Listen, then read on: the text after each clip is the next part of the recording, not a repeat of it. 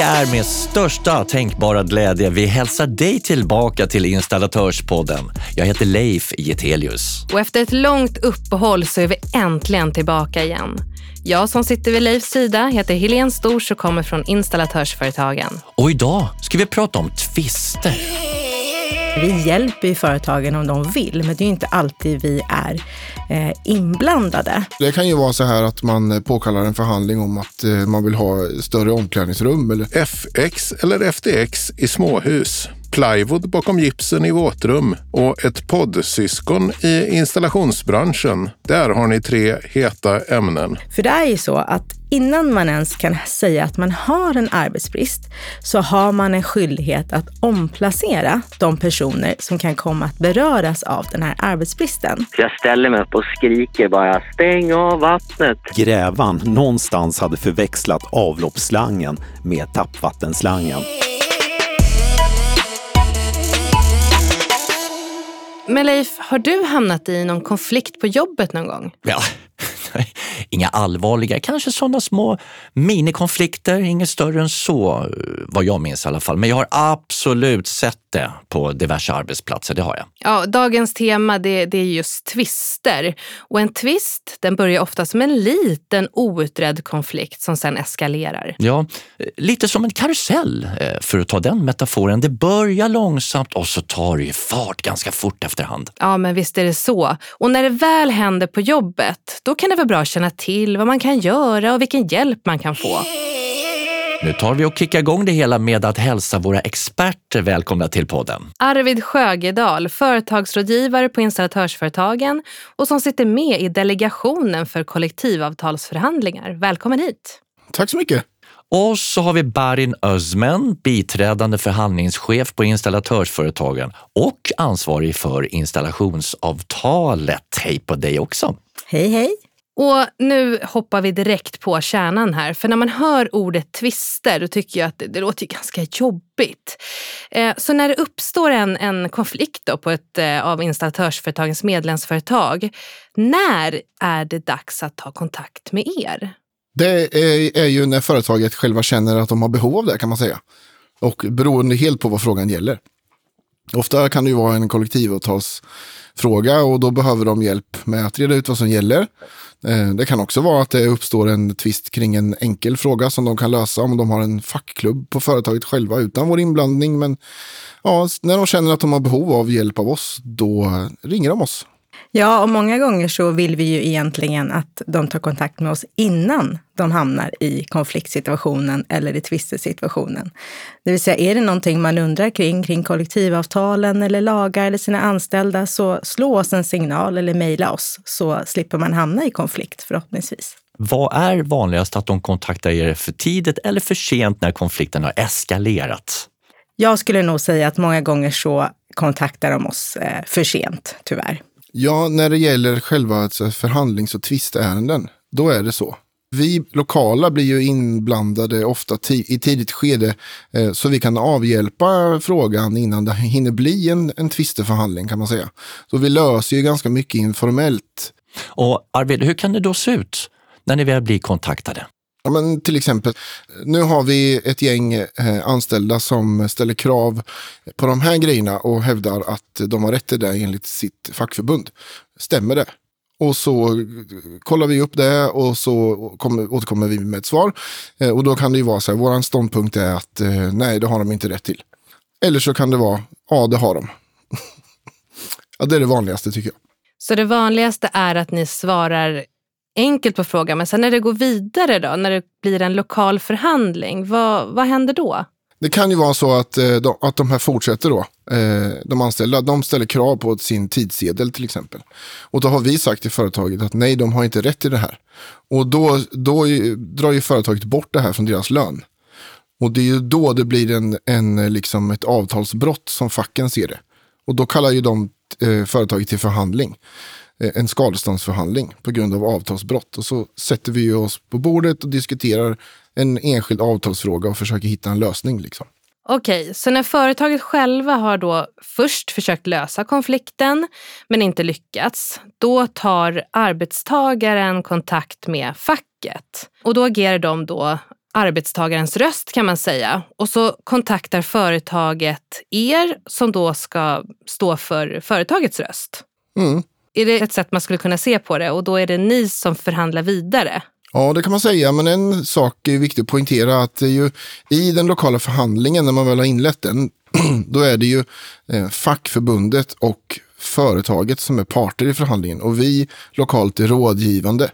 Det är först när det går till central förhandling som det är installatörsföretagen och fackförbundet som är parter i förhandling, oftast. Det finns ju olika typer av förhandlingar som bekant och det är ju nu det börjar bli lite rörigt för mig här. Vad, vad innebär central förhandling?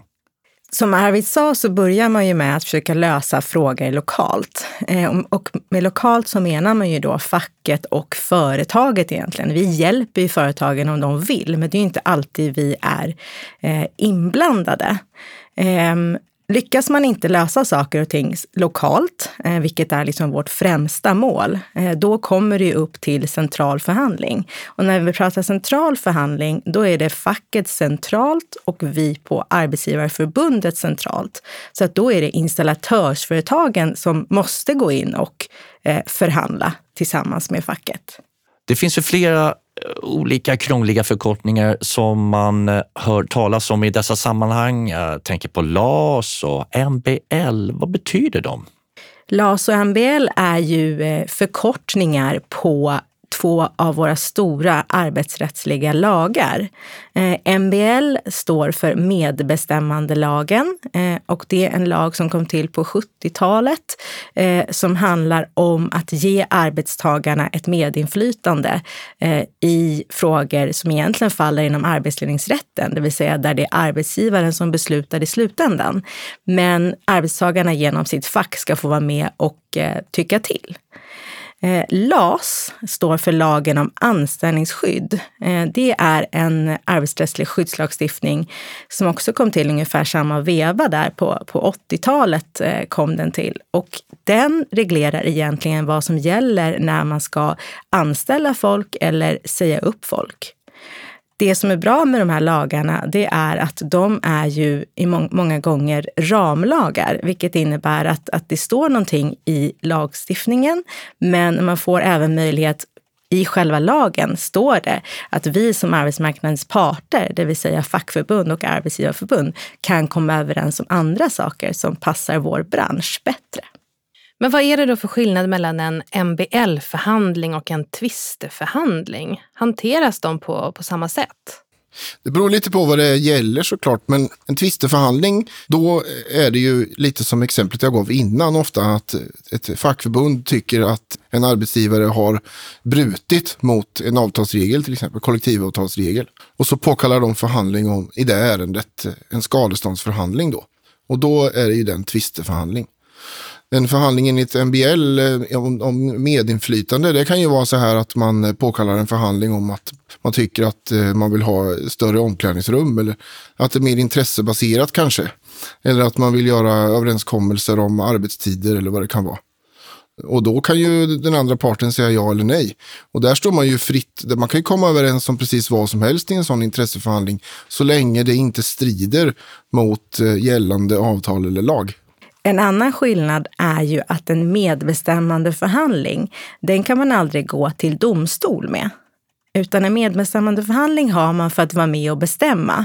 Sen kanske man inte kommer överens lokalt i en sån förhandling och då förhandlar man centralt. Men kommer man inte överens om där och arbetsgivaren går vidare och gör det de har tänkt, även fast facket kanske inte håller med, det är då man kanske också hamnar i tvisteförhandlingar. Då måste man ha en lokal och en central tvisteförhandling för att kunna gå vidare till domstol. Så att för att komma till domstolen så kan man behöva förhandla fyra fyra gånger egentligen. En lokal MBL, en central MBL och sen en lokal och central tvisteförhandling. Och nu har vi ju fört ordet domstol på tal här och så. Och så har man ju hört talas om AD. Vad innebär det? Jag har ju förstått lite att det är inte där man vill hamna direkt. Ja, både ja och nej skulle jag säga. Eh, AD står ju för Arbetsdomstolen och Arbetsdomstolen är ju en specialdomstol som verkligen är experter på arbetsrätt eh, och kollektivavtal och avtal mellan eh, arbetsgivare och arbetstagare. Eh, så att eh, i och med att vi också har just ramlagar, det vill säga lagen om anställningsskydd säger att för att få säga upp någon så behöver man saklig grund. Men det står inte vad saklig grund är för någonting. Utan den informationen hittar man just i Arbetsdomstolens praxis. Så att Arbetsdomstolen är också en väldigt viktig komponent i arbetsrätten. För att det är därifrån vi får vägledning kring vad är det som gäller på arbetsmarknaden och i relationen mellan arbetsgivare och arbetstagare.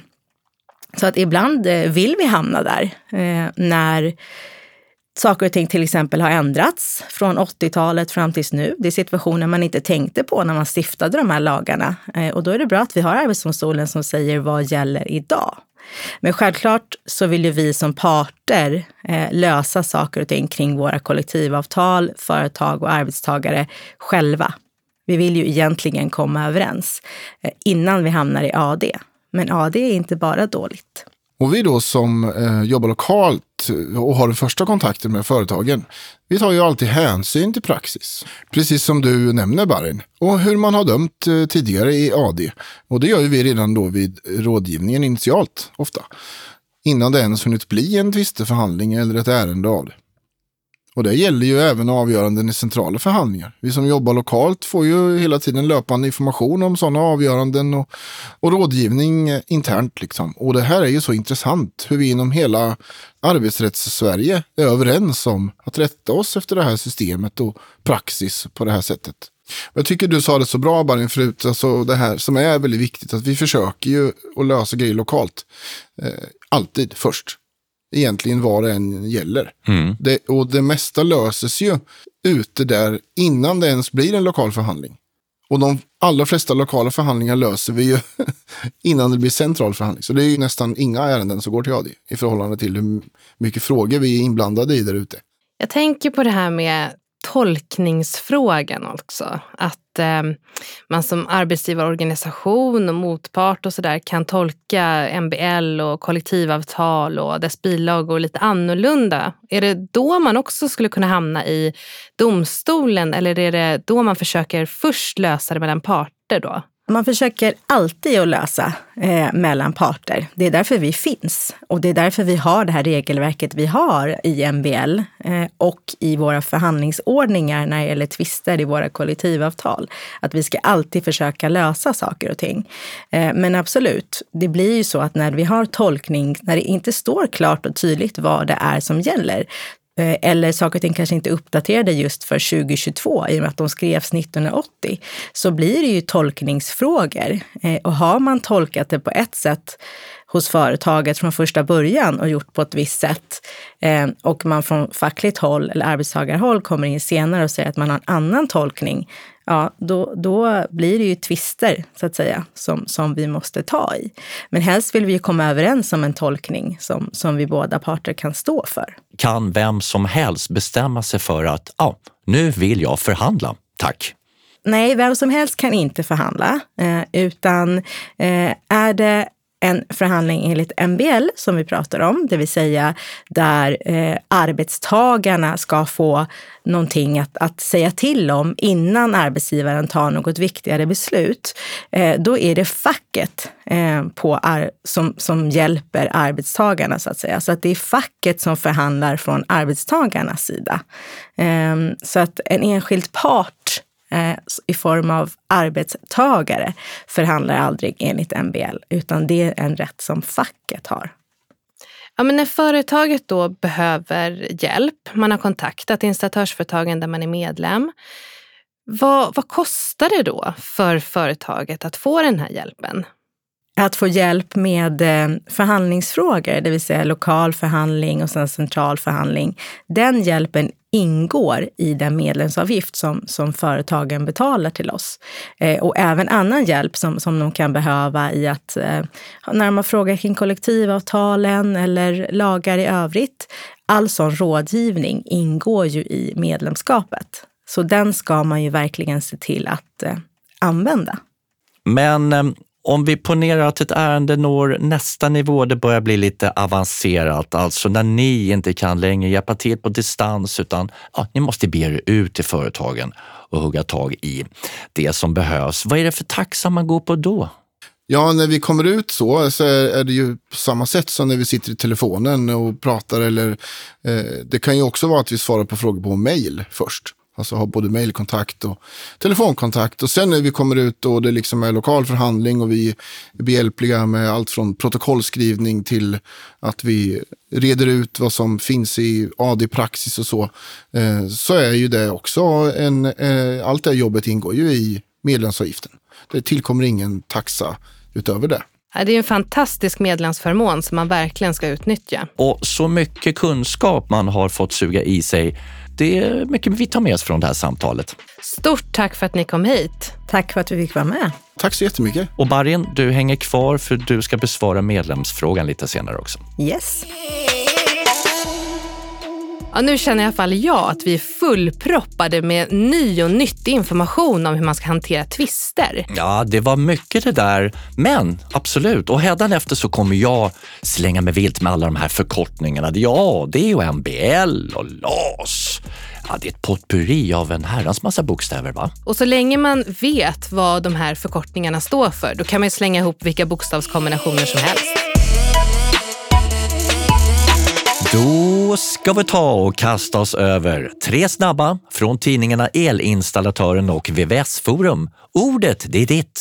Varsågod, chefredaktör Fredrik Karlsson. Nummer ett. De flesta nybyggda småhus levereras med frånluftsvärmepump och golvvärme. En kombination som är så dålig att den borde förbjudas, menar Hans Östberg, ägare av ventilationsföretaget Östberg Group. Det är ett rykande hett samtalsämne. Igen. Hans Östberg har framfört detta under många år och deltar i fighter mellan FX och FTX. Frånluft med återvinning eller från och tilluft med återvinning. Hans Östberg retar upp värmepumpbranschen och talar i eget kommersiellt intresse. Men de allra flesta av de hundratals kommentatorerna som tyckt till här, de säger att han har sina poänger. Nummer två. Måste man ha plywood bakom gipsen i badrum? Det är inget krav, men om man vill uppfylla Säker Vattens krav på skruvinfästningar, då ska skruvar fästas i massivt material. I reglar eller kortlingar av trä eller i en provad och verifierad skivkonstruktion. Vi är rörmokare. Vi drar rör och bryr oss inte om vad det är i väggarna, svarar en del rörisar i den här diskussionen. Men för den som ska sätta upp badrumsinredningen är det relevant vad som finns bakom gipsen. Dels ska det hålla och dels vara fuktsäkert. Bryta fuktspärren med Molly är inte att rekommendera. Det räddas inte med silikon. Och som någon skrev, vem håller ordning på alla kortlingar efter ett tag? Så då är 15 mm plywood bakom gipsen en lösning, vilket är i den så kallade våtrumsväggen som Säker Vatten tagit fram tillsammans med de stora byggbolagen. Nummer tre. Elinstallapodden en nyhet från oss på Elinstallatören för er som inte kan få nog av poddar. I varje avsnitt fördjupar vi en historia som engagerat våra läsare. I första avsnittet om elfirman som kopplade in annans fulel var på huset började brinna. Då stämdes elfirman. Elinstallapodden finns på Spotify och andra poddplattformar, precis som den här podden. Vi fortsätter med medlemsfrågan som handlar om turordningsregler och om man kan frångå dem. Och det känns alltid lite krångligt det där med sist in och först ut. Och då är det skönt att vi har hållit kvar det här Barin som kan hjälpa oss att bena ut även den här frågan. Är du redo? Jag är redo. Bra. Och frågan då, den lyder, jag behöver minska på personalstyrkan på grund av arbetsbrist. Men jag vill ju inte bli av med en av mina bästa medarbetare som arbetat en kortare tid än en annan person som inte riktigt funkar i teamet. Vad kan jag göra? Ja, alltså som jag tolkar frågan, eller som jag hör frågan, så är det egentligen två frågor. Det första handlar ju om att man har en medarbetare som man tycker inte fungerar i teamet.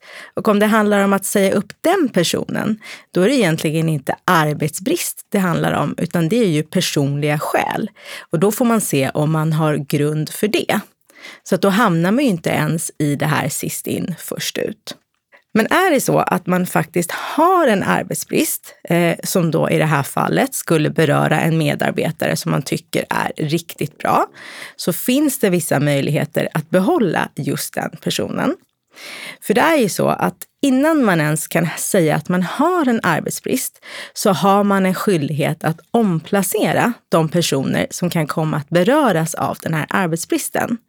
Så att har man andra lediga jobb inom företaget som de här personerna kvalificerar sig för, så har man en skyldighet att erbjuda dem det jobbet först för att liksom slippa säga upp. Och är det då så att man har ett annat ledigt jobb inom företaget som den här medarbetaren kan ta, så kan man ju alltid erbjuda det jobbet. För de omplaceringarna behöver man inte göra i någon sorts turordning. Och börjar då den här personen jobba på ett annat kontor, då berörs inte den av arbetsbristen på det kontoret som man hade arbetsbristen på, så att säga. Går inte det, så finns det ju en möjlighet i lagen om anställningsskydd för mindre företag, alltså de som har högst tio anställda, att undanta två nyckelpersoner från just turordningen. Så är den här personen en nyckelperson så finns det en möjlighet att behålla den genom att den personen inte ens får vara med i turordningen. Är det så att man är ett större företag så finns möjligheten att ta upp frågan med facket om att göra en så kallad avtalsturlista eh, på just det kollektivavtalsområdet. Det vill säga, man kan se, är det så att någon kan gå i pension? Är det så att någon vill sluta och börja utbilda sig till något annat eller liknande? Och på så sätt så kanske man slipper säga upp personer som man vill ha kvar. Så att det finns ett antal vägar att gå. Och det bästa är att diskutera det här med oss på installatörsföretagen innan man hamnar i arbetsbristsituationen så att vi kan ge råd som man kan använda sig av när man väl hamnar där. Finns det något särskilt som man kan göra kopplat till installationsbranschens kollektivavtal då? Ja, men det finns det. Både i vårt kollektivavtal med elektrikerna och vårt kollektivavtal med Byggnads så finns det möjligheter att planera verksamheten, alltså i god tid innan man hamnar i en arbetsbristsituation. Så att när man väl hamnar där behöver man inte säga upp personer som kanske egentligen inte skulle behöva beröras av arbetsbristen just bara för att de är sist in. På installationsavtalets område finns det till exempel möjlighet att införa avdelningar, vilket innebär att för företag som har verksamhet där Även om man är elektriker så jobbar man med olika saker. Någon jobbar kanske på entreprenad och någon jobbar på service. Så kan man dela upp de här på avdelningar som sen blir olika turordningskretsar när man ska behöva säga upp. Så att har vi en arbetsbrist på service så behöver vi inte beröra montörerna på entreprenad. Och även i vårt kollektivavtal med Byggnads så finns det möjligheter till olika turordningskretsar för till exempel olika yrkesgrupper. Så att är det till exempel industrirörsmontörer, om det är där man har arbetsbristen, så är det de som man behöver ta upp på turordningslistan. Så att vi har väldigt bra kollektivavtal på det sättet att det är branschanpassat. Intressant fråga, ett väldigt bra svar. Tack för att du var med oss här idag Barin. Tack så mycket.